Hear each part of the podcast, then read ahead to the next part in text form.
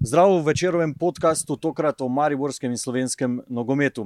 Z nami je več kot četrtina uh, sezone, tudi evropski del kvalifikacij za klubska nogometna tekmovanja. Pred nami je reprezentančni premor, kjer se bo Slovenija borila za preboj na Evropsko prvenstvo 2024 v Nemčiji. Prave teme, zato da se o tem pogovorimo z dvema poznavalcema nogometa.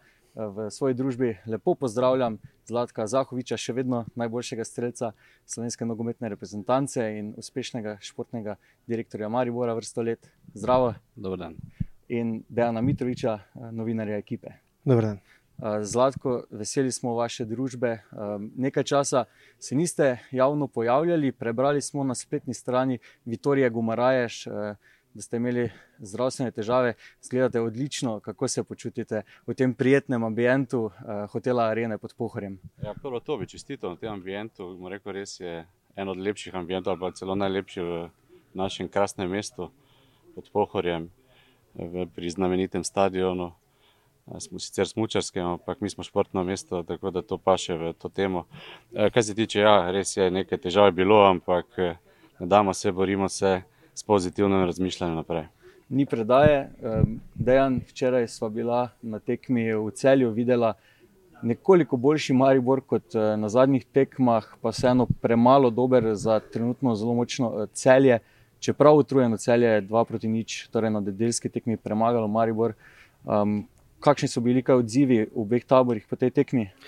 Ja, dejansko ravno to, ne. utrujeno celje, videlo se je, težke noge, tudi celjani so to poudarjali. David Zec je rekel: Počakajte, da, da, smo, da bomo spet sveži, potem boste videli pravo, pravo celje. Albert je rekel podobno. In ravno to, ne, utrujeno celje je uspelo premagati dober Maribor. Ne bom rekel uh, skromen, ampak kar dober Maribor. Zelo dobro so se zoprstavljali celjanom. Je pa težava oziroma problem v tem, da če takšen Maribor, ki odigra dobro tekmo, na koncu vseeno dokaj zlahka izgubi, izgubi proti celju. Pustimo ob strani za, za sekundu, se bomo zagotovo vrnili k sodnikom, ampak uh, če izgubi takšno tekmo, potem to veliko pove o stanju moči v tem trenutku v slovenskem nogometu. Zlatko Zahovič, kaj ste vi videli? Uh, zagotovo ste si ogledali tekmo. Ja, res je, ogledal sem si tekmo. Moram reči, da je zelo podobno kot dejan, ali pa ni bilo kaj druge slike. Uh, Celje ima eno pozitivno, fantje, fantje z trenerom Jero so se totalno spremenili, cel klub se je ambience spremenil, fantje so nekako pripravljeni iti preko svojih zmožnosti, kar je edino možno v slovenskem prostoru, da dosegaš nekaj, nekaj več. In se vidi po njihovi govorici telesa, da so zadovoljni, da, je, da so dobili neko luč na koncu tunela, da so oni sposobni in tu je eh, vloga trenerja vrhunska. In ja, celje, ko bo sveže, bo, bo, sem pripričan, da bo odigralo še, ima dosti večje kapacitete, dosti bolje. Zdaj, eh, normalno, da je skozi sezono, ki je maraton, boš imel tudi pluse in minuse, kako bodo takrat odreagirali, ko bi prišli slabi časi ali pa slabši časi. Je seveda potem vprašanje na njih, kajti tudi to je treba računati, ker ti eh, trener Jera je šele nekaj časa, res je naredil v kratkem času, je spremenil totalno krvno sliko celja, igravcev. In je res lepo videti uh, en naš klub, ki je spet, ki je pozitiven, ki verjame, ne glede na vse limite, ki so v našem, našem nogometu, oziroma v naših ekipah. In ja, mislim, jaz moram reči, da sem od zdaj naprej fan trenerja Jere, kaj ti pride v cel in reči, jaz bom prvak. To je, to je prava miselnost, to je miselnost, ki nam manjka, to je miselnost, ki, ki, eh, na katero, katero smo vsi mi ponosni, ampak eh, pri drugih, ne pri nas. Dan, če smo se potekmi pogovarjali z Vukliševičem eh, pred stadionom, pravi, da se skoraj nič ni spremenilo v celju, se pa pač spremenil trener in ravno to, kar je Vukliševič ja. omenil, to je velika razlika. Ne? Ravno to, jaz sem že ne.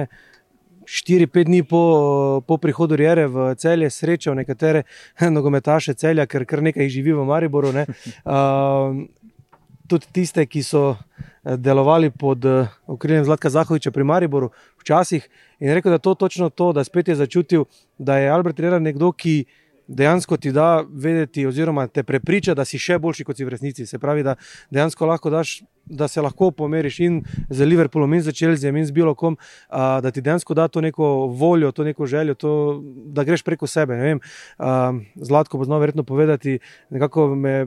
Malo spominja na, na Joseja Morinja, v tem, uh, ko sem poslušal veliko krat nogometaše, pod katerimi, ki jih je vodil že Zemljijo, so vedno rekli, da za njega bi šli na glavo, skočili z mosta, kakorkoli. Uh, nekaj takega je z Albertom Riero, nekaj takega je bilo, mislim, da tudi, se, se pravi, bo Zlatko povedal, verjetno ključno v preteklosti za uspehe, ki jih je dosegal Maribor. Je res? Definitivno rezultati to govorijo. Mislim, da v tistem času ekipa je bila konkurenčna proti vsem. Če, če vzamemo en edini rezultat, ki ni bila konkurenčna, to je Liverpool, ampak v sto in več tekmo v Evropi, eh, si bil konkurenčen proti vsem, se pravi, si šel na Celtic Park, kjer je, bom rekel, ena atmosfera, najbo, en od najboljših na svetu atmosfer, pripričan v zmago. Hmm. In, uh, to so tiste stvari, ki nam manjkajo, ker fant, talenta imamo, fant, uh, imamo mi ogromno fantov, ki zna, ki, ki zna igrati nogomet, ampak tisti, tisti moment, da greš ti preko sebe, da ti verjameš v to, da ti verjameš, da si. In seveda, nikoli pa ne smeš pozabiti, kdo si in kaj si. Ampak tisto, kaj, kdo si in kaj si, eh, tisto mi v taktičnem smislu skrijemo. Ne? Smo skrili, hočem povedati. Ampak eh, ja, eh, vera, da ti, ker to je, to je bistvo športa.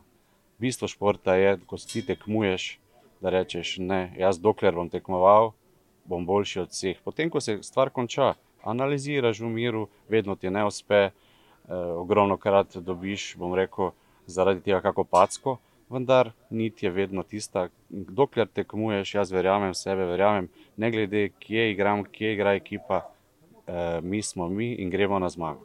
Jasno pa je, jasno pa je, se prečujem, da imaš to možnost kot trener, kot športni direktor, da postavljaš tak, tako stvari eh, v taktičnem smislu, da vseeno se zavedaš, da si kaj. Ja. Tukaj, tukaj bi se jaz kar navezal. Uh, to je tisto, kar meni ni bilo všeč pred tekmo uh, med Mariborom in Fenerbahčem. Ker jasno, da je Fenerbahče favorit, jasno je vse to, jasno je, kakšne igralce imajo. Kdo je, vemo, kdo je Dušan Tadiš, vemo, kdo je Edin Džeko, vemo, kdo je Miči Bašvaj in tako naprej. Ampak že tako je nekako je bil ta, uh, mi imamo štiri odstotne možnosti, računalnik je pokazal. Ne? Tudi če ima računalnik prav, ti tega ne poveš javno, ti greš vendarle tja z neko drugačno miselnostjo. Zlatko, omenili ste Celtic Park, ne se tudi ta Celtic je takrat imel enega Virgila Van Dijka, ki zdaj velja za enega najboljših branilcev vseh časov v Premier League. Ne? Se pravi. Uh, Pa tudi nihče ni šel z, z miselnostjo, oziroma vse ne z javnim nastopanjem, oni so boljši, mi imamo 4 odstotke možnosti. Ne? Ampak ne, ne, gremo mi tja odigrati, pa bomo videli, kdo bo. Jaz bom povedal eno zgodbo, našo, zdaj malo bom mogoče nostalgik, ne, ker je to podcast, pa smo rekli.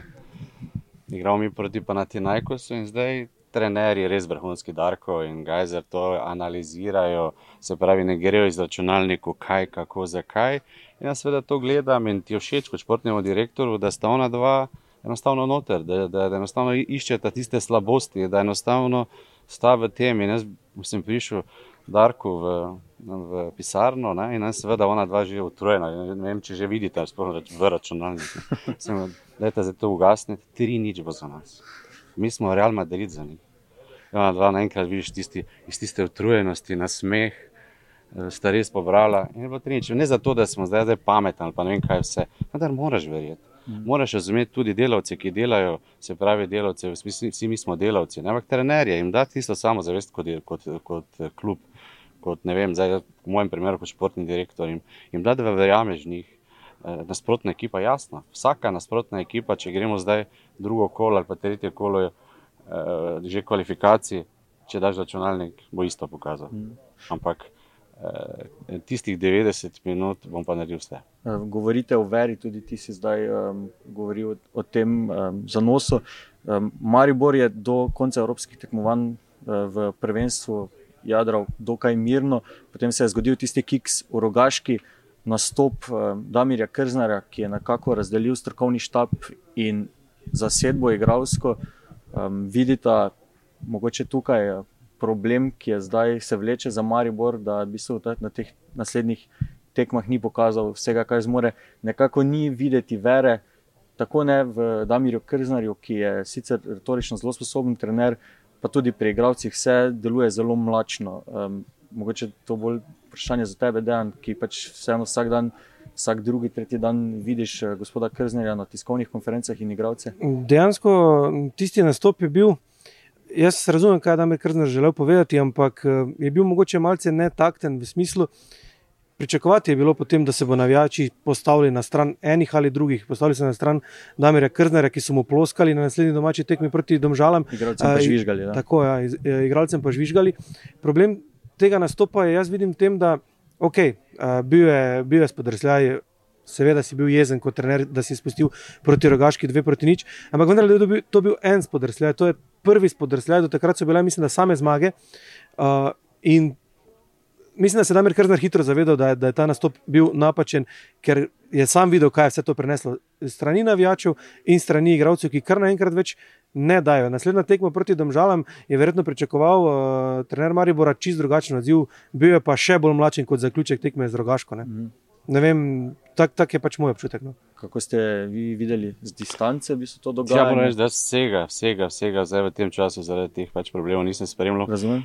Uh, ja, ta, ta odziv sem videl, nisem ga najbolj razumel. Res je, da ti je vedno pred kamero potekmi ne uspe. Ne? ne uspe, včasih si tista emocija potekmi, dobiš mikrofon, želiš nekaj povedati, želiš dati neko sporočilo, pa ti ne uspe. Ampak to sporočilo je bilo pa res močno, ker govorimo o bojkotu, govorimo o feedbacku. Uh, jaz sem pripričan, da on hotel reči, da je, da je z temi besedami, da je on krivec temu. Uh, da so premočne besede za to, nepotrebne besede za to, ker je res je bil samo en kiks. Če gledamo mi zdaj te Evrope, te, teh prvih dva meseca, oziroma sploh zdaj, ko je utrujenost na utrujenost po celi Evropi, te ekipe ali nimajo tekem, ali pa nimajo dobrih rezultatov, kaj šele.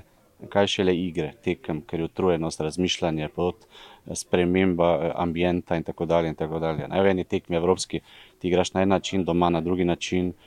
Eh, in, in se res vse spremenja. In to je bil pač en kiks, en kiks, ena pač en polčas slabši, in ni bilo potrebe po teh močnih besedah. Ne? Kaj šele po besedah uh, igralca, da ne kako mu reči. Tisto bom rekel, bi pa bil v moji pisarni kar nekaj časa. Ravno to, ne, to se potem stopnjevalo. To je omenilo sramoto. Ja. Da, tako je, stopnjevalo se je potem. To se je stopnjevalo, tudi začelo stopnjevalo, kaj ti uh, fant je mlad, od, uh, napredoval je v Mariboru, Maribor mu je dal vse. Uh, govoriti o sramoti v Mariboru se mi zdi uh, zelo, mi rekel, z, njim, z temi fanti, vem, da je treba delati, vem, ampak uh, tu je, mislim, da spoščena nit in zdaj lahko vsak reče, kar hoče. Uh, kot je navijat, sem bil žaljen, zato ker Maribor ni sramota. Maribor ima lahko eno fazo, ima lahko drugo fazo, s katero se lahko mi strinjamo, s katero se ne strinjamo, katero lahko debatiramo. Vendar Maribor je ponos Mariborčana, ponos slovenskega nogometa. In te besede so bile premočne in je logično, da so posledice. So posledice za tega, kaj ti. Uh, eh, mislim, da nihče v klubu ni bilo prav, v slačilnici ni prav.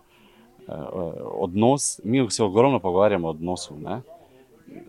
pa ni samo odnos, je kvaliteta, je priprava na trening, na, na tekmo, eh, je ambient v slčilnici, je ambient v klubu. Odnos, preveč se pogovarjamo o tem odnosu, premalo o kvaliteti. Mhm. To je moje mnenje. Ja, se strinjam, ne? dejansko uh, eh, vse čas poudarjamo, kar se tiče Maribora, da je to nekako. Uh, niso dobri odnosi znotraj slčilnice, ni dobro to, ni dobro ono. Uh, vendar pa na dolgi rok, zdaj, ko pogledamo rezultate, pa se moramo tudi vprašati, ali je to ta kvaliteta, ki je zmožna več od tega, kaj zdaj kaže. Ali so ti igravci, ki v tem trenutku nastopajo za Maribor, dejansko, mi se pogovarjamo, da ja, Maribor, eh, DNK, morajo biti prvaki, to, ampak ali je ta, ta selekcija Mariborska v tem trenutku, ti igravci, ali so a, dejansko favoriti za osvojitev naslova državnega prvaka ali pa to vendarle neka percepcija Maribora kot največjega kluba v Sloveniji, da pač dejansko mi od njega zahtevamo vsako leto naslov prvaka, tudi če to ni realno. Ne. Eh, različni prestopni roki so bili pod eh, Markom Šulerjem v Ljudskem vrtu zadnji, najbolj donosnejši z temi prodajami igralcev. Zlatko Zahvič, kako ocenjujete delo Marka Šulerja? Zdaj, z mojih ust in vse to je zelo, je zelo težko. To bom rekel, vse ne. Zdaj, ogromno se govori o kadrovanju. Pri teh igralcih za, za ta denar, oziroma za, za, za ta scouting, ki ga ima Inka Maribor, je zelo težko zadeti vse. Ne? In zdaj, eni igralci, ko pridejo, kadar je zdravo jedro, so drugi, drugi ljudje, drugi igralci. Mislim, da je bolj problem sistema. Se pravi, problem, mi imamo takšen sistem, mi želimo to, kupovali bomo igralce v tem sistemu, in pa potem imamo, seveda, križ, to je jedro ekipe, kateri bo te novince, ki ni, ne morejo biti ti novinci na nivoju Maribora za ta denar, oziroma za to, kar lahko Maribor, bom rekel, v teh finančnih zmožnostih pripelje, zdržali, da se on, da se on adaptira, mu dali čas, jaz, bo, bojo ti starejši reševali, oziroma ti starejši v klubu reševali stvari, da se on adaptira in potem on doda tisto, kar manjka Mariboru. Da bi pa mi, da bi pa en Maribor kupil 5-6 igralcev in bi rekli, aha, zdaj pa je vse na njih, zdaj pa mi njih ocenjevali od prve minute. Težko. Po vašem odhodu se je zgodila racionalizacija na postavki plače. Prejšnji teden smo z Dejanom pisali o tem v ekipi in v večeru iz 3 milijonov v letu 2019 na 2 milijona za plače igralcev v prejšnjem letu. Um, je to prava pot? Um, prvo, mene to moti. Motijo me dve stvari, ker to ni res. Jaz sem športni direktor, jaz vem, vem, da so celo strani predsednika kluba racionalizacija in to ni res. Ker, se, ker je tudi on širil stvari, ki so neresnične. Ni res, jaz imam vse doma zapisano, ni res. To je prvo. Kot drugo, če ti racionaliziraš stvari po odhodu, mojem odhodu, Darka Milaniča, pomeni, da nisi sposoben zdržati tisto, kar si plačal davek na, dobi, na, davek na dobi, dobiček. Se pravi, ti nisi sposoben zdržati tisto, kar je vsako leto si plačal davek na dobiček. To pomeni, da kaj to pomeni. Da si zelo dobro poslovali, ja. da je bilo veliko denarja. No? Se pravi, jaz nisem sposoben tega vzdrževati in zdaj moram, moram zmanjšati. Eh, bom rekel, zelo slabo sporočilo zdaj. Jaz vem namen predsednika, da je to z Mariborčem paše, ko govorimo o denarju in paše, jo je to pa zdaj racionalizirati, takrat se pa je delilo, ne vem kaj vse. In on je bil populista, ker je rekel, bra, rekli bravo, ker denarja, ne glede, če ga zaslužiš ali ne, je, je prepovedano dobiti v, v, v našem malem mestu, treba udariti. Ne? Ampak eh, ni bilo res. Bilo, in, in zdaj če sam priznaš, da nisi sposoben tega vzdrževati, da, da ti vsako leto plačeš davek na dobiček, potem je nekaj narobe s tabo. Tako jaz vidim stvari.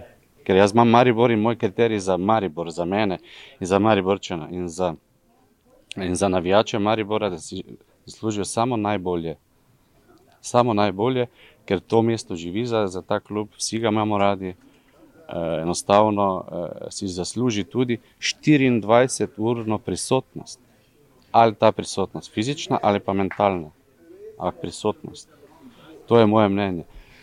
Očitek takrat ne vam je bil, da, da je kar naenkrat, ko ste vi šli, preveč igralcev z lepimi, dobrimi plačami, preplačanih, ki tržno niso zanimivi. Ne? In to je, to, jaz se spomnim, sem se pogovarjal tudi z poslovnim direktorjem, na, na ta način. Ne, uh, ja, pa Mitja Viler ne moreš ga prodati, pa Rajčevič ne moreš prodati. Ampak potem je vedno bil moj odgovor, ampak ta Mitja Viler, pa ta Rajčevič, pa tako naprej. Ne, to so ljudje, ki so prinesli veliko več, kot so, kot so bili plačeni. Mislim, to bom rekel, uh, kaj pa je funkcija kluba, prodajanje ali rezultat. Nam je vse uspelo. Ampak ja, mislim, da je to bolj branjenje svoje nesposobnosti. Tukaj to, mislim, to je ja. definitivno. Ja. Tukaj mislim, da, da je Marijo naredil ta, ta korak, eh, ki je drugačen, da je dejansko v tem trenutku se postavil bolj na nekak eh, na klub, ki prodaja, ne toliko rezultatov. E, to, to vidimo, klub, ki hoče biti samo zdržen. Jaz sem imel dosti tudi tez in uh, takrat je bilo, ko je Andraš Porar, ki je fantastičen igralec, ne, uh, odšel za 5,5 milijonov, mislim, da v Rusijo, zakaj pa Maribor ne more? Ne? Henti je šel, ja, šporar pa za ah, štiri. Tako štiri, tudi šporar, Maribor. Bazil, ja. Res mi nismo. Ne? Maribor pravi, aha, zakaj pa mi ne moremo? Ne? Ja, mi smo pa 23 dobili od lige prvako. Kaj je zdaj več? 5 pa pol, 23. Absolutno. In, in, in daš gledalcem, Sloveniji, vsem daš možnost prihoda najboljših ekip v Evropi, v to naše krasno mesto, v to našo krasno Slovenijo. Ja, ne vrača te, te, teze, ne?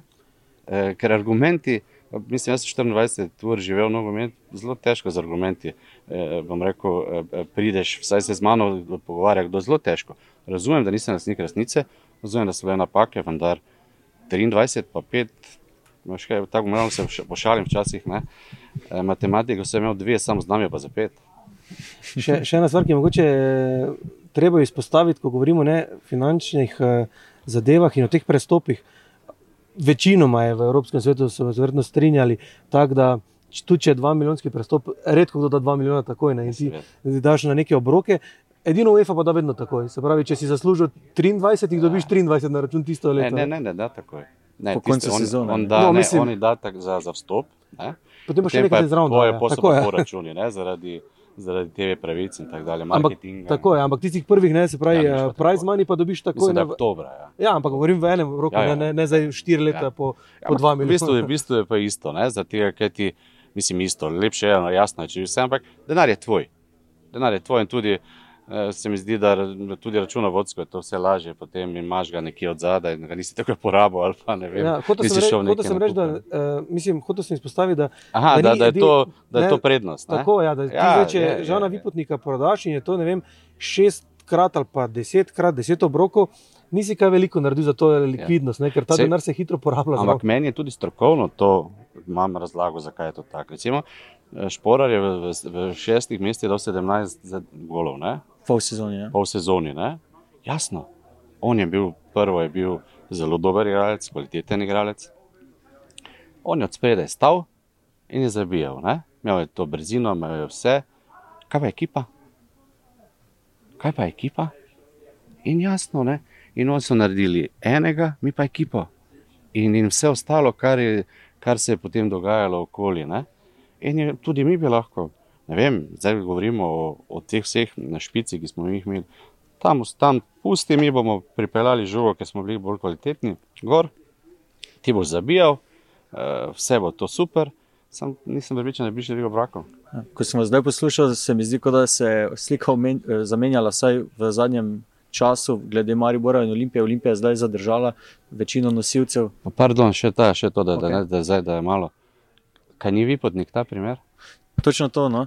Maribor je izdelal, oziroma je bil tako. Prodal zelo dobro, vendar v Evropi ni želel veliko, ni bilo v Evropi nič. Je ta primer. Olimpija je pa zadržala jedro ekipe in se vrstila v evropska tekmovanja.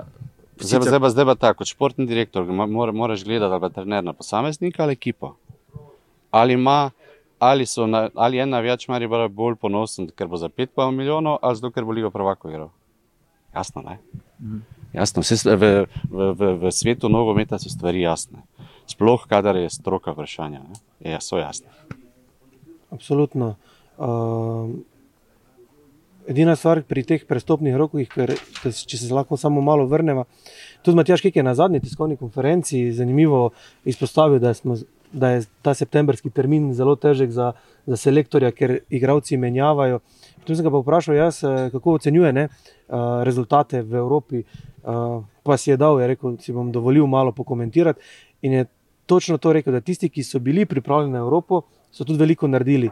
Pričemer, jasno, v celju se ni veliko menjalo, v Olimpiji se ni veliko menjalo. V Mariboru so ti pa šli spet znova, znova ne, po, po prejšnji sezoni je bilo enako, po tej sezoni je bilo enako zadnji. Uh, ključni igravci na tam, kjer je to najpotrebnejše, se pravi, kvaliteta v napadu, zadetki. Uh, tukaj mogoče vi ste doskrat poudarjali, kako pomemben je zimski prestopni rok ravno za, za klube, kot, kot, je, kot je Maribor, za ligo, kot je Slovenska, da potem točno ta uh, prihod enega igralca januarja, da imaš do, do junija čas, da ga ti pripraviš na to, kar potem sledi. Ampak mi imamo tukaj v, takšne primere, imamo ne samo v Mariboru, imamo tudi. V slovenskem prostoru to, to je bila Olimpija. Olimpija je vedno delala na tak način. Se pravi, oni so imeli sezono, so šli ven v Evropi in potem so tri gradce kupili. Zdaj prvič niso, so bili, so bili imeli cilj Evropo in so šli, bom rekel, zelo, na najboljši možni način skozi. Ne? Se pravi, dobiš prva dva nasprotnika. Uh, uh, in, in ja, ta zimski prestopni rok je pomemben. Zdaj, če mi gledamo NK Maribor, NK Maribor je svoje, je, rekel, svoje cilje dosegel v Evropi. Absolutely. Zdaj, način pa lahko diskutiramo. Na, v Evropi pa je dosegel cilje. Ne moramo ker zdaj, če gledamo ta, te dve tekmi, ne prvi. Jaz se teh dveh tekm vedno sem se bal. Kaj, vedno. Zato, ker tudi rečejo ljudje Malta, pa imaš tako težke tekme, pa reš Luksemburg, pa tako težke tekme. In Maribor je šel skozi, kakorkoli, šel je skozi in tu ni dileme, treba, treba zdaj. Eh, mi lahko rečemo, ne, mi lahko rečemo, šlo so, šli so skozi na kak način, ok, šli, vendar način se je potem videlo, da nekaj ni v redu proti Fenerbahču. Ker tisto, potem, eh, da si ti šel način, da si šel skozi proti Fenerbahču, da si bil konkurenčen, pa lahko rečeš, to je to. Ne? To je to vseeno, ker Fenerbahče je res velik klub. Uh, in res, Fenerbahče, če primerjamo, smo res naleteli na, na kvalitetnega nasprotnika. Zakaj? Da je to Fenerbahče od lani, je mar bolj konkurenčen. Fenerbahče pa je bil lani tako, tako in letos so res zložili in so imeli euforijo, eh, ker ti turške klube dobiti v tem času, ne, v tem času je, je privilegij, nimajo, nimajo ritem, eh, eh, nimajo še, še, bom rekel, tekem, je privilegij. Ampak Fenerbahče v tem času res ne. Recimo Galatasaraj ne, od Olimpije, moj Maribor od 10 gre 8 naprej, v tem času samo. V tem času, ko oni nimajo ritem, tri glavce še niso niti prišli. Eh, Oni, oni so totalno po domače, po štajersko, raštelani, niso v ritmu, niso nič. Idealno, da jih zmagaš. Ne? Da je Olimpija, mislim, da se je hitro zadovoljila. Mhm. Mi smo prišli, mi smo naredili svoje. Ni res, ko je takrat, uh, takrat si imel priložnost, Saraj, da si mene vprašal z Maribora. Jaz bi rekel, če bojo pripravljeni na zmago, bojo zmagali. Oni so bili slabi, Galata Saraj, brez ritma. Sem pripričan, da so oni bili presenečeni, da so tako v Ljubljani zmagali. Ne, ampak, ok, ajde, če rečemo, prvo leto so prišli v, v, ja. v Evropo, pa rečeš, ok, se bodo nekaj naučili. Ne. Vendar mi smo svoje naredili. Vi ste naredili res super stvar. Prišli ste v, prvo, v, v, v prva dva nasprotnika, premagali, kar je idealno, ampak ni konec. Ni konec, dobiti Galata Saraj v tretjem krogu, ta Galata Saraj ne Fenerbahče. Fenerbahče, vrhunsko, so imeli ambient, eh, pričakovanja, to ni bilo enostavno. Ne? Ampak Galata Saraj, totalno, totalno, bom rekel, idealno za zmago. Ampak ja, oni so se s tem zadovoljili, niso, niso ker kaj ti po, takih dveh zmagah. Ne? Pridejo potem menedžeri, kličejo, vsi zadovoljni, malo se popusti tam, malo se popusti tam, ampak ne, nič, nič popuščanja sprve, ampak naslednje leto upam, da, da, bojo, da bojo, bom rekel, ali pa prvak naš, da bo se na, na olimpijskem primeru kaj naučil. Ni bilo razloga. Oni bi danes komot igrali vsaj Ligo Evropa. Ker ste ravno omenili, kdo bo prvak, eh, kdo bo prvak Kak, če samo en klub. Dejan, tvoj pogled eh, na trenutno videno, eh, bo imela Olimpija zaradi Evrope kakšne težave, bo celje z Riero marširalo z lahkoto proti naslovu, ali bo Maribor, eh, mogoče tudi s kakšno spremembo, drastično lahko konkurenčen za naslov. Um, mislim, da je še prehitro zadajati neke ocene, uh mhm. -huh. kdo bo na koncu prvi, kakor trenutno kaže, mislim, da bo Olimpija imela določene težave. Uh, Med, preklapati med Evropo in državnim prvenstvom, ampak po drugi strani so pa dejansko res razširili kader, pustimo zdaj, je to kvaliteta ali kvantiteta, pri čemer se ne strinjata gospod Rijera in gospod Boromisa. Ampak uh, tukaj jaz dejansko vidim v tem trenutku celje, ne toliko zaradi, uh, zaradi samega igralskega kadra, kot zaradi trenerja, ki je res. Kapo dol, eh, kar je naredil lani z Olimpijo, kar dela zdaj z celjem. To je nekaj, vse meni se zdi neverjetnega. Se pravi, ta neki, uh, ta neki žar, ki ga, ki ga kažejo, igravci tudi utrujeni. Res včeraj so bili, se mi zdi, na pol mrtvi, no, igravci celja, ampak še vedno je to izgledalo, še vedno je to bilo fantastično no, za, za, za slovenske razmere. Maribor pa jaz mislim, da ima precej večje težave, kot si v tem trenutku upajo priznati vodilni ljudje v klubu. Eh, ne govorim samo o športnem delu, ampak nasplošno v, v, v, celotnem, v celotnem klubu, mislim, da, da so stvari postavljene tako, da je zelo težko pričakovati, da bo, da bo igralsko uspešni, oziroma da bo rezultatsko uspešni, ker Zlatko bo znal povedati, verjetno malo boljše, ampak jaz mislim, da je vse to povezano. Se pravi, da če je zgoraj nekaj ne štima po domače, potem tudi rezultati ne morejo biti dobri. Se pravi, ne more športni del funkcionirati, če zgoraj zadeve ne funkcionirajo. In jaz mislim, da zgoraj zadeve ne funkcionirajo in da se posledično to prenaša uh, stopničko po stopničko niže, vse tja do športnega dela. Ne. Gospod Zahovic, so vas kaj kontaktirali za kakšen svet v Ljudskem vrtu? Ne, ne, res ni potrebe, niti jaz dajem bilo komu na svetu, samo mnenja dajem. Dobro. Na svetu ne dajem zato, ker vem, da tam noter ni, ni enostavno sprejemati odločitve. Ja, mislim, da tisto, kar meni, meni od zunaj, od zunaj zgleda, je borba za hierarhijo. Borba za hierarhijo, kaj ti trener kadruje, Marko se tudi trudi, verjamem, po svojih najboljših močeh. E, e, nekatere stvari, e, ki prihajajo ven, so totalna borba za hierarhijo. Ampak jaz sem to govoril že od samega začetka, ne? odkar sem šel, da bi moral vsak svoje delo delati. In ta borba za hierarhijo enostavno se prenaša na igralce, ker igravce, igravci vse čutijo sebi. Hmm. Že, če hočemo pozitiven primer, je prijeri, da vse čutijo, vse vidijo. Ne? In ne morete ne govoriti o kadrovanju.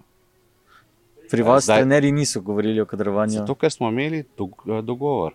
dogovor. Ker zdaj, če trener govori o kadrovanju, to pomeni, da govori z nestrinjanjem, nestrinjanjem z športnim direktorjem. S svojim šefom. Ja. Ali ste kdaj slišali Marka, da je kritiziral trenerja? Pa bi ga lahko.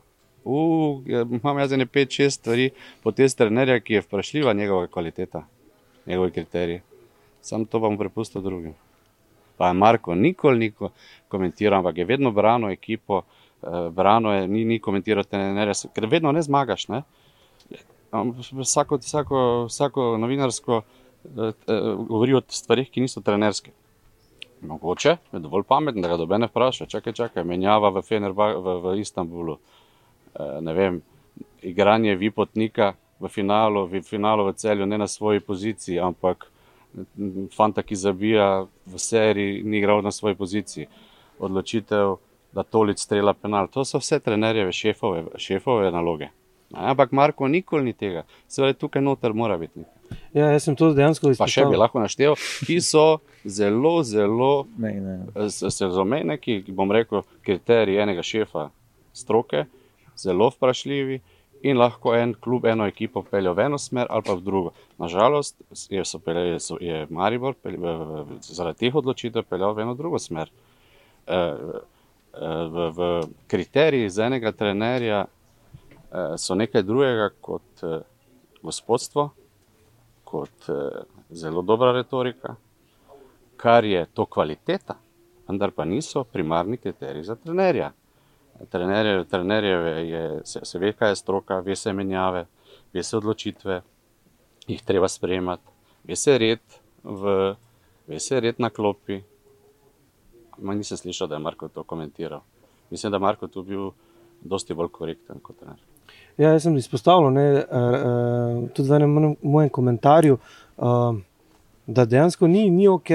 Uh, Spravi nekaj neštima med športnim direktorjem in trenerjem. Če trener govori o kadrovanju, športni direktor pripelje enega igralca, ki potem ga trener sploh ne daje v igro. To je primer Blaža Vrhovca. Trener, športni direktor pripelje recimo mladega slovenskega reprezentanta, plača za njega.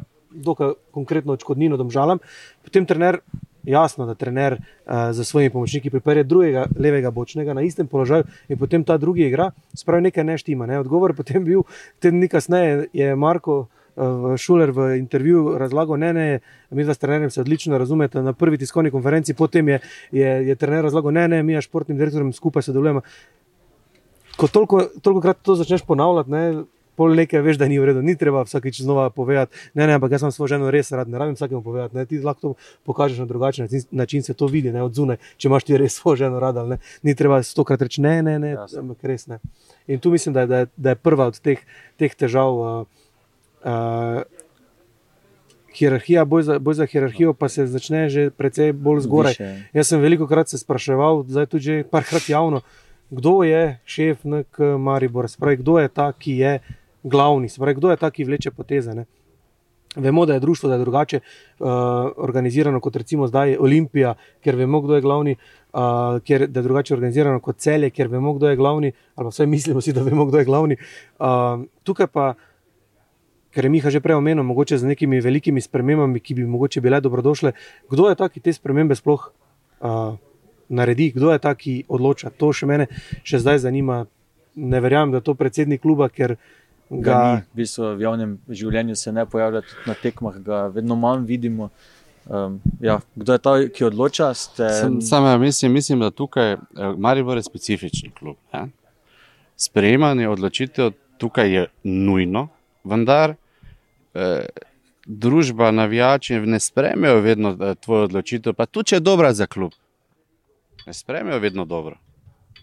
Ne? Jaz, sem, jaz sem imel primer pri Čačiču in Jurčiču, kar ljudje ne vejo. In ti si za tujca, ne za tvojega domačega, ki ti je vse prenesel.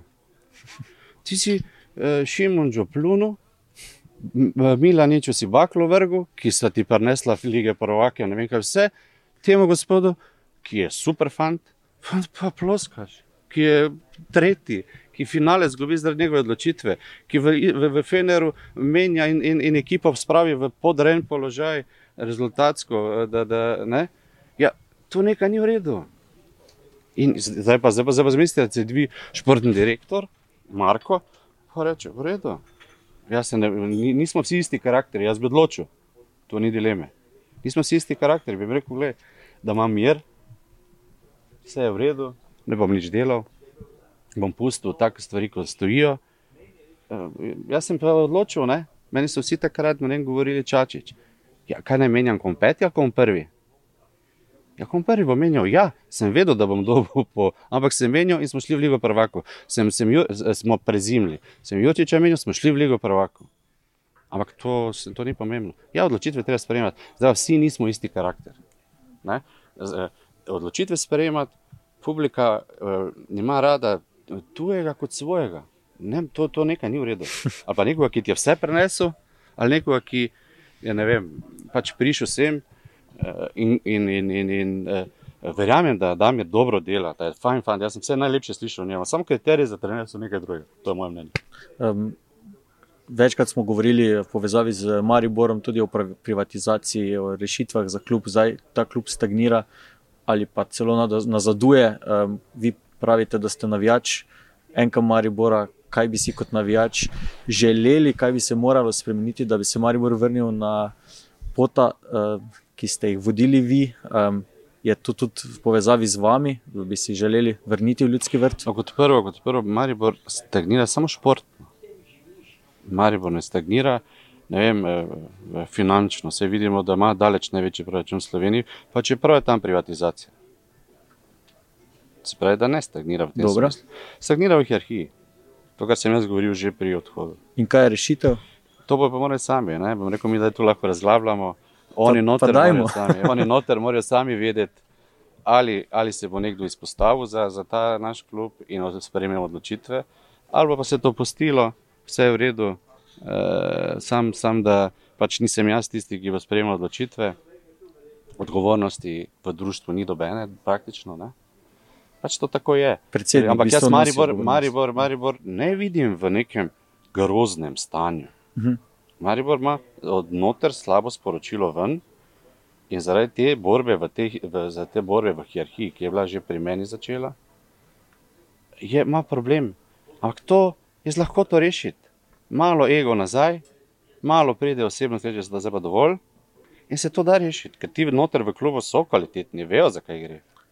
Eh, So kvalitetni, so že dokazali, da znajo delati. Ja, včasih, ko narediš korak, dva, tri naprej, misliš, da znaš nekaj, kar ne znaš. Ne? In pač to tako je. Ne? In To, to, to ni samo primer Maribor, v marsikaterem klubu v družbi je to tako. Ne?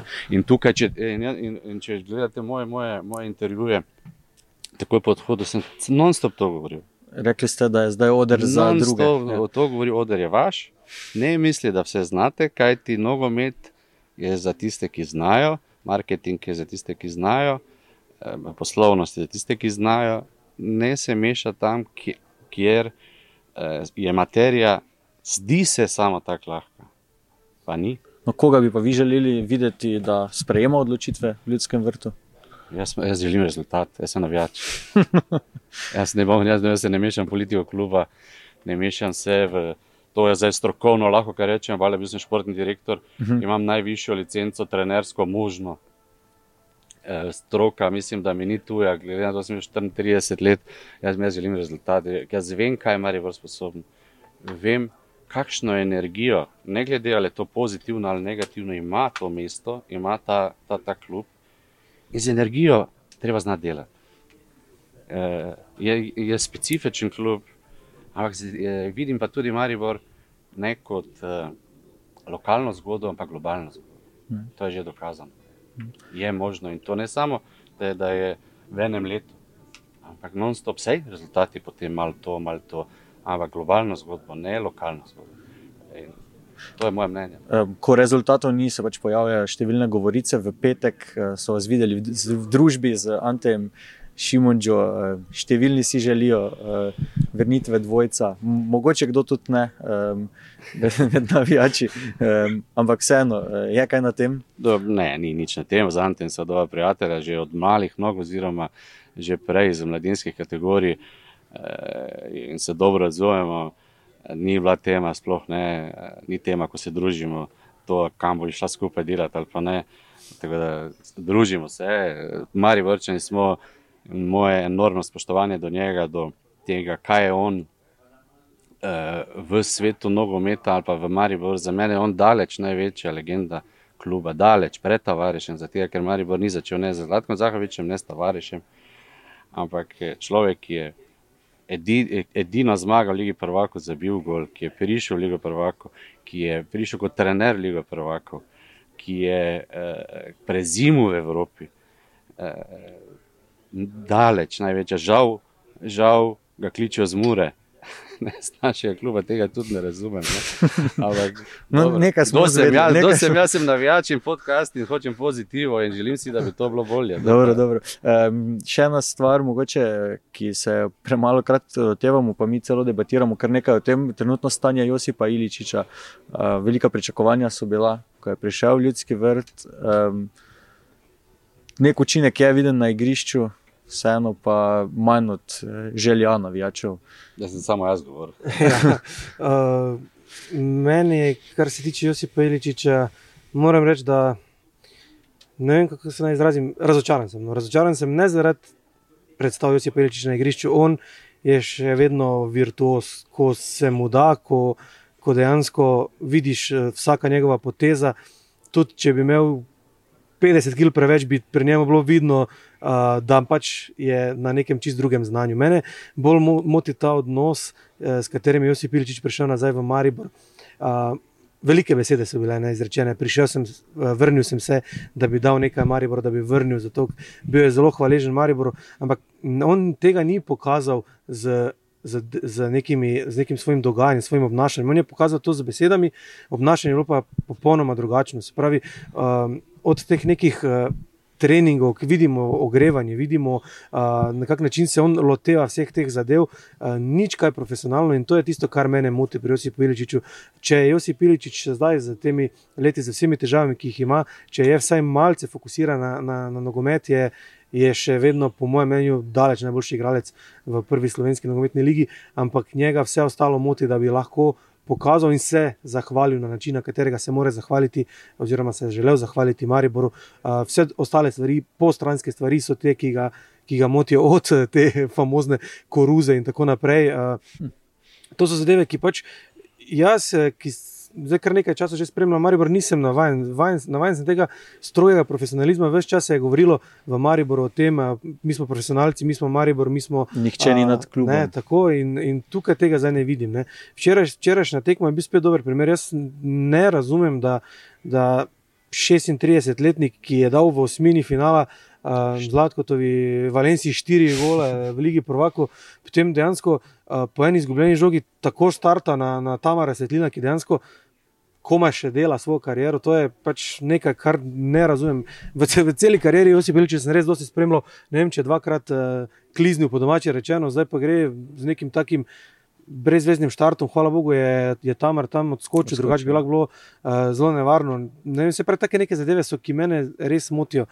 Še vedno ponavljam, se ne, klasa je res prisotna, ampak vse ostalo pa pa tukaj ni tega. Jaz sem se iskreno bal, da bo na koncu dejansko res tako, ker je imel Josip ogromno enih težav, uh, ki jih ne moreš kar naenkrat dati stran in ok, zdaj pa gremo novo zgodbo, vse je, po, vse je pozabljeno, zdaj bom pa jaz tukaj pokazal. Ne. Mislim, da je, da je tukaj bilo več možnosti, da ne bo uspelo, kot da bo uspelo. No. Ne vem, lahko bi ga vi pripeljali v Maribor. V tem stanju, govorim, ne, Josipa. Uh, da sem jaz v Mariboru, ker mislim, da njegov, njegov, njegov jaz jojo ta zelo spoštujem. Uh, tist, njegov talent, sploh ta njegova genialnost, to je res lepo videti. Uh, kaj se pa tiče osebnosti, jojo ta, pa se moramo vrniti na ono hierarhijo. Ti geni, on je geni, da se razumem, on vidi drugače. Ti geni, če, ni, če, če vidijo, da ni inštitucija in vse okoli njega urejeno, da se ve red, da se ve hierarhija, te ne bo spoštoval. Ali te ne bo spoštoval zunaj igrišča, ali pa na igrišču. In njegov odnos je točno takšen odnos, kot je hierarhija. In če bi hierarhija bila, kazujo tam z lahkoto dela, on je krasen fan. Uh, vendar on protestira s tem. Ja, kot otrok. Protestira kot otrok. Kot otrok, ko nekaj ni v redu, protestira. Ne? In, in, in še protestira otroško.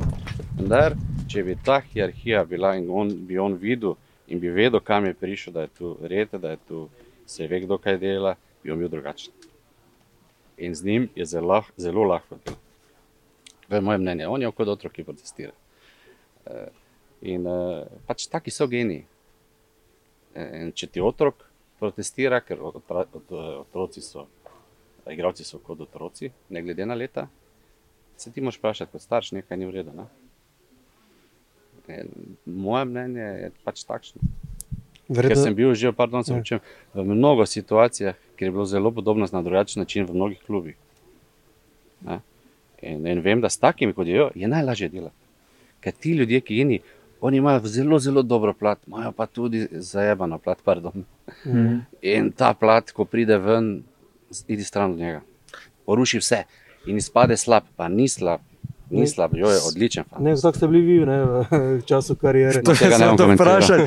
Torej ste vi najbolje delovali tam, ker, ste, ker je bila hierarhija tudi uh, nad vsak, vami urejena. Seveda, vsak tudi. Vsak, eh, ko je hierarhija, ti veš, prideš, že čutiš. Kot igravci so, eh, igravci so zelo inteligentni.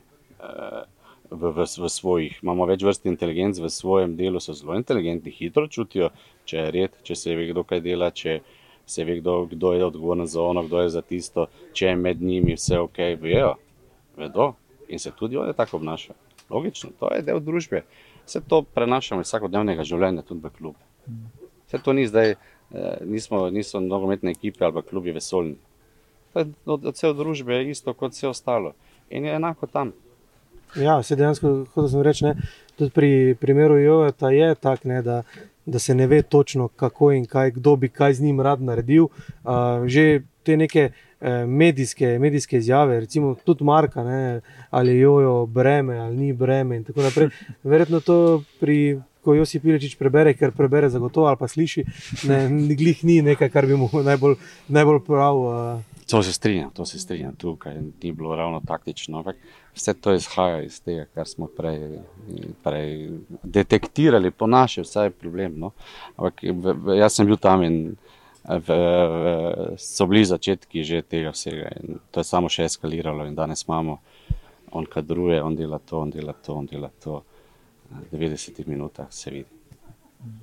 Uh, gremo še na reprezentanco pomembni tekmi za Slovenijo, Severna Irska, San Marino, verjetno kaj drugega kot eh, šest točk bi bilo slabo v neki želji po eh, napredovanju oziroma po vrstici na Evropsko prvenstvo? Ma, ja, mislim, absolutno šest točk bi bilo super za, za Evropsko prvenstvo, ampak mene malo, ne morem reči, skrbi, ampak ta Severna Irska ima, okay, ima tri točke, vsi mislimo, da ne morajo, ni čisto tako. Vedno smo imeli težave z Severno Irsko, ob tem pa Severna Irska res ni igrala slabo teh tekem, nekaj nesrečnih porazov in tako naprej.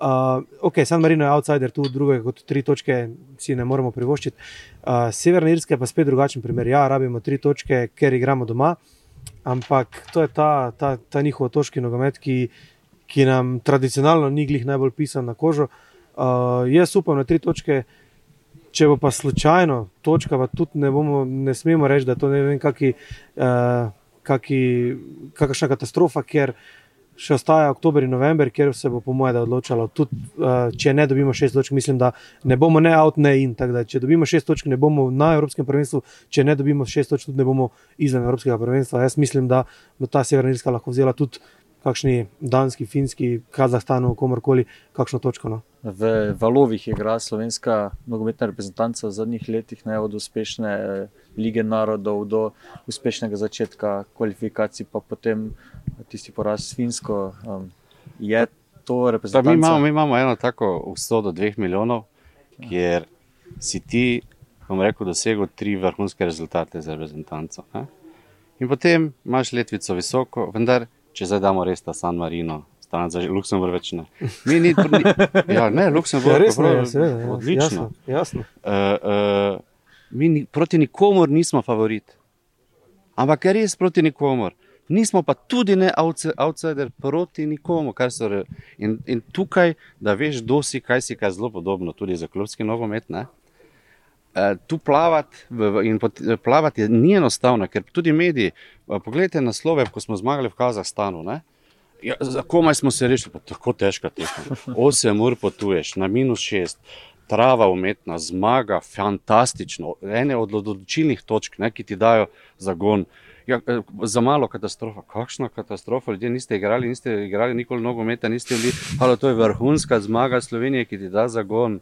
Ne, Severna Irska bo ena od teh, ena od teh, ki ti pričakuje, se zmaga, igraš z enimi drugimi kvalitetami. Proti Danski igraš malo nazaj, tu igraš 30-20 metrov bolj naprej. Je čist drugi nogomet, čist druga priprava, čist druga strategija. Zdaj ti, kot dva milijona, ti nimaš bazo in igravce, ki lahko vse to spremljajo in mi razloži, da, je, da aha, ti bo zdaj 20 metrov zgoraj, pol naslednja tekma bomo 20 metrov nazaj, ti, tukaj bomo igrali na pol kontro, kontro, tukaj bomo igrali na standardne situacije, tukaj moramo to paziti. Ni enostavno selektorjem, ni. In zdaj najlažje je pa reči, da ja, mi, mi smo čudo Slovenija, kar v bistvu smo, ker smo bili na treh velikih tekmovanjih. Vendar vsaka tekma, vsaka tekma je na nože tukaj. eh, Se, priprava je različna, selektorjem ali trenerjem, ali to Matjaž ali to Srečko, je vse preko lahko. Oni se morajo tako pripraviti. In tukaj mislim, da tudi eh, nasplošno ta, eh, nasplošno ta slovenska javnost eh, zelo rada gre po blišču, zelo rada gre po, eh, eh, eh, po nekem, nekem, eh, ne, ne, po nekih mnenjih, kjer eh, podcenjujemo mi bilo koga. Ne, ne moramo mi podcenjevati, nismo favorit proti nikomor, če pustimo res San Marino. In se treba pripraviti, in bomo za vsako, tek, za vsako zmago bomo krvaveli. In s takim pristopom, ampak tudi družbe, bo to lažje selektorju, bo to lažje vsem nam ostalim. Tudi če bodo oni imeli z avta tri stative, mi pa nič, pa na koncu ena nič. Super. Se, Super. tako je tudi ne, v klubskem nogometu Maribor postavil to letvico pod vami tako visoko, da smo tudi mi doskrat imeli potem neke kreše, ne, ne more Maribor tako igrati, ne more to. Ne, ne. Um, zdaj vidimo, pač, vedno, vedno je bilo potem samo, ja, rezultat je pomemben. Zdaj, Smo videli, smo videli celje v, v, v Tel Avivu. Ja, eh, me je Darko Milič enkrat, potem ko je šel že iz, iz Maribora v intervju, eh, fantastično rekel. Um, Mimo grede, čist drug človek, Darko Milanič, kot, A, trener, super, on je- kot trener Maribora, pa kot ni trener Maribora, to je, to je res čist drug človek. Uh, in mi je rekel, ja, jaz, Ti boš tudi bolj, ko boš nehal pisati za Marijo. je, drugače. je rekel, da še, še le čez nekaj let bomo videli, ne? Ja, uh, bomo lahko ocenjevali, kaj je Maribor naredil. Ker takrat je bilo pa vedno, pritiske, Ne, ja. mo ne moreš igrati tako, ne, ne moreš igrati isto proti, uh, na pamet govorim, APL-u ali pa doma proti, kaj jaz vem, takrat Zavrču. Ne.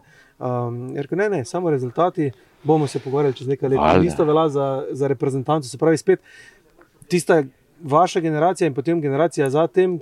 Mi vedno pričakujemo, da moramo iti na, na prvenstva, vedno pozabimo pa, da ta ena finska ni več to, Ne, da ne. je finska, Ne, niso ne. to samo hokejisti, ne, so tudi Ne, ne. zdaj košarkari, so nogometaši. Um, težko smo pa realni v pričakovanjih, ker smo že nekaj doživeli in potem pač vedno potem gledamo. Ne. Ja, zdaj lahko, veste, zakaj sem jaz vedno govoril, ne smemo pozabiti, kdo smo in kaj smo, ampak gremo pa zmagati. To pa ja. Ampak ne smemo pozabiti, kdo smo in kaj smo. In ta eh, po, populisti, sploh in to v stroki slovenski, ogromno populistov. Vsi so supermeni, ko bomo, ko vidiš pa, bom rekel, njegov, njegovo biografijo. Sivi. Nič. Ne? Ja, ne, populizem je zelo, eh, ta, taka ena, ena, eh, en šport, ki ne paše nam dva milijonsko. Mi smo borba, borba eh, spoštovanja sprotnika, vendar se ne damo čvrsti, smo gremo vedno na zmago. Tako sem rekel. Nismo pr favoriti proti nikomor, če zdaj damo res tiste zadnji pod, ne se pravi San Marino, pa kdo še tam, recimo Gibraltar, Andorra. Eh, Nismo pa, nismo pa, nismo, ne moramo pa lahko pa presenetiti Anglijo v Angliji. Če gledaš tako, mi smo dvakrat igrali, trikrat v Angliji, dva ena stamo? Mm. To, so, to je tu, v Angliji. Ne? Pa, pa ne vem, za Anglijo doma nič, nič. Pa, in tako dalje. In tak dalje. Ena ma- mala, dva milijonska Slovenija, se pravi, ta, eh, Severna Irska, borba do zadnje minute. Vse tekma ti lahko gre v eno, lahko gre v drugo uh, smer, ampak ja, to so tekme, ki res uh, kr, krvavo, vsako tekmo si krvavo prigra. Um, slovenska reprezentanca ali pa klubskem, v klubskem nogometu, uh, klubi, ko, sploh pa, ko vedno malo bolj dvignejo nivo. Ne? Je pa še ena stvar, ki je mogoče meni zelo pomembna pred temi tekmami. Ne? Zelo dobro se prodajajo karte za Severno Irsko, se pravi, Slovenija spet želi nekaj velikega, hoče eh, vse reprezentantče, Ja, če, ne, ja. če ne že v klubskem, ne? se pravi, dejansko spet nekako sanjamo. Neko, neko Imamo Šeškota, ne? Ja. imamo Šeškota, dva gola je dal v pred reprezentanco. Wow, to je lokomotiva, to je motor, to je, to je vedno pozitivno. Ne? Mm. In, in, oblak tak in tak, mislim, on je naš kapetan. ne. In Imamo, imamo nekaj, imamo nekaj, samo ne smemo popustiti populiste, da nam grizejo tisto, tisto bom rekel, srž našo delovnost eh, za rezultatom, za, za tisto, kar pač mi moramo delati, da fant, ker pride do fantov, ne, da fanti ne pozabijo tisti, tiste ma, male stvari delati, ki delajo razliko v, naši, v našem klubskem nogometu, v našem športu. Niso popularne, ampak jih je treba delati. Mm. Eh, Kdo vas je na zadnje klical, da bi vas vključil v, eh, nazaj v nogometni ustroj? eh, Bi vas presenetilo, tako da bomo, naj ostane. Te pa boste pol povedali. Bomo mi vas presenetili. No, eh, Komu se boste? Pa ni, niso velika neka. Aha, Ena, ker za tega, ker res sem je toliko zunaj v, v svetu, ne da se mi več v neki, neki spet iti. Uh, uh, ampak tukaj v Sloveniji je spet, uh, kdo bo pa z mano delal, če, če, če bom vse silo, da bo 24 ur uh, za zmago, za trofeje, za Ligo prvakov. Vse z, z tem hudičem, da bi noči delati. s kom bi vi želeli delati? Z ambicioznimi, ki želijo, ki verjamejo v Ligo prvakov, z drugimi ne morem, ne znam. Kdaj boste spet delali? Uh, Tako rekel, da nisem še dobil tisto iskrco, da bi. Edino, kar me je malo ta iskrca, že te kvalifikacije, ko vidim menjavo v Turčiji, ko vidim neambicioznost Olimpije proti Galatasaraju, premagljivem še kako. Uh, to me, ali pa ne vem, ko vidim drugi polčas celja v Izraelu, ko veš, da fizično ne boš zmogel, pa še vedno igraš isto. Ampak se pravi, ne igraš, da probaš eh, probaš nekaj, kar nisi ti, ker tam je 40 stopinj, odlični igralci, atmosfera dobra, ekipa ti pada, še vedno igra visoko obramba in oni so eh, logično, da je štirjen. Ne, se pravi, take stvari, ki je škoda, da jih ne izkoristimo strokovno, eh, da smo konkurenčni, da smo tu, ampak to je ta ambicioznost eh, in vera, neverjetna vera, da lahko. Vas bi lahko nogometna zveza zaposlila, pa bi potem vsakemu malo svetovali. Potem, da bi... Uh, mislim, da, da to bo pa zadnji klic, ki ga pričakujem. okay. um, za tokrat mogoče kar dovolj eh, zanimive nogometne debate, še bi kaj dodala uh, ob zaključku. Um, pa nič kaj, meni je mogoče samo še, še to, ne, ki je rekel uh, Zlatko, da, da ga to malo muči. Ne. Uh, zdaj v, v, v tem Mariboru je zdaj tako, ne, da, da ni več tako nekih eh, velikih pričakovanj, mogoče bo zdaj lažje, pa ne bo pri Bakle pri prvem mestu, zdaj če so že aplauzi pri tretjem, spravi mogoče lažje delati, zdaj ni takega pritiska več. Pa dobro, ja- ja- jaz nikoli nisem za te bakle, za, ker res mi smo doživljali težke stvari, tavareša so slekli, ko, ko, so, ko, je, ko je na vrhuncu. Mislim, stvari, ki res ne spadajo. Uh, jaz sem res boljši za podporo, boljši za žvižge, vendar en del, en del pritiska na ekipo mora biti. Mora biti, eh, ker smo ga vsi mi doživljali za te, ker super je, vse dobro, izgubili smo, aplav smo dobili, te pa gremo ven, ne? Ampak Ja, zakaj se pa ne pripravljam, če pa vem, da imam plas dobro? Ne? Eh, Se pravi, ne, za, ne da je bože, da bi bilo kaj v smislu. Ampak eno stvar, da ti, da ti nekdo reče, "Ah, fant moj, ti si ali pa ekipa, vi ste pa tukaj, da zmagujete, vi pa ne date vsega, imam občutek, oziroma odnosi niso tako, porihtajte se, to pa ja, ne pa tisto, kar smo mi doživljali. Tisto, hm, zamislite, da, da je Darko pa. Da je Darko šel na policijo, to lahko z nekoga za umor. Ja, dajmo biti konkretni. Nekoga za umor lahko vrebe svojega navijača. Pa človeka, ki, ki ima 8, 10, 12 lovorik. Kaj, kaj se, to, to, to je nemogoče, se pravi, to, so, to, to je pa nas malo tako. Ampak da bomo zdaj, da končamo pozitivno, mislim, da, da, da ne da bože, da bi zdaj ne. Ampak dajmo, dajmo, Maribor, mislim, da, da če bo to, ampak to so težke stvari, če se bo to uredilo. Eh, Maribor ima takšno kapaciteto kot nogometni klub za temi navijači, za tem mestom. To je noro. Ker ti, eh, ja, vse to, vse, kot sem rekel, negativna, pozitivna energija, ampak z energijo lahko delaš. Jaz, jaz zdaj srečam te fante, ko jih vedno, ne, ko jih srečam, ko smo igrali, ne, ne vem, od Marka do, do, do Mertla, do Filipoviča, tudi Jojota, ne, ne vem, Vilerja. Sem jim tako ponosna, ni. Zato, ker mi smo lahko delali z njimi, se pravi, ko si jih zdrmal, so bili nervozni, ko si jih objel, so bili veseli, se pravi, energija, oni so reagirali na nas, na nas pa čeprav včasih tudi mi nismo imeli prav, ampak so reagirali in so hteli vedeti več, hteli in mi smo bili, mi smo, mi smo bili ve, veliki, privilegirani, da imaš take osebe. Take osebe v slčilnici Maribora, da so oni športniki, tekmovalni, niso postili dobenemu. Ko so, ko je šlo sabo, so vedeli in so vedeli že, da prijo slčilnico, bomo rekel, ne vreme in tako dalje. Ne? Ampak so reagirali. Ja, in na koncu ni slučajno to, ampak mi smo bili privilegirani, ker s takim materialom lahko delaš. In Maribor, hočeš, nočeš, ima ogromno teh kapacitet, tudi ljudi, ki so mogoče, da bo nekdo rekel, da so bili kritični, ki so v klubu, znajo svojo stvar. Znajo. Kako so še pripravljeni, niso pripravljeni, to pa je druga stvar. To je to. To je to, ja. Jaz sem hotel malo bolj na, na šalo obrniti, da dejansko takrat, ko je, ko je Zlatko prihajal, tudi niso bila pričakovanja neka visoka, pri čemer je samo ta razlika, da zdaj dejansko ne greš res iz tistega nekega minusa, ampak greš lahko spet graditi iz enega lepega nadstropja. Uh, bi pa še to rekel, ne, da dejansko Zlatko Zahovič slovenskem nogometu je potreben, bi se pa res uh, zelo veselil enih dvobojev jaz kot, kot novinar, se pravi, kot predstavnik medijev med Zlatkom Zahovičem in Albertom Riero, to, je, to je bil res. Se zdaj njegov fan, res. Se nima veze, se bilo, še, še vedno je bilo tega, fajn. Ker, ne, zaradi tega, ker na način, ki on pride v slovenski novice, cel, jaz bom prvi. Pa to je to, kar celo življenje smo mi živeli, kaj si poslušal, kar sploh ni, ni drugega čipa. In to manjka v slovenskem nogometu. No in potem je bila dva, mi bomo prvi, potem je bilo Ti super. imaš pa potem uh, največjo športno inštitucijo v Sloveniji, kaj pa naj izjaviš? Absolutno. Prvi bom, levo pravako grem. Vse na koncu potem ne greš ali pa greš, ali pa so sem, ni druge. In, in kontaminacija te pozitive, te vere je celje. Vse ne gre drugo. In uh, morda kmalo kdaj spet uh, tudi Maribor. Hvala lepa za uh, vaš čas. Hvala tudi vam. Hvala. Hvala za povabil.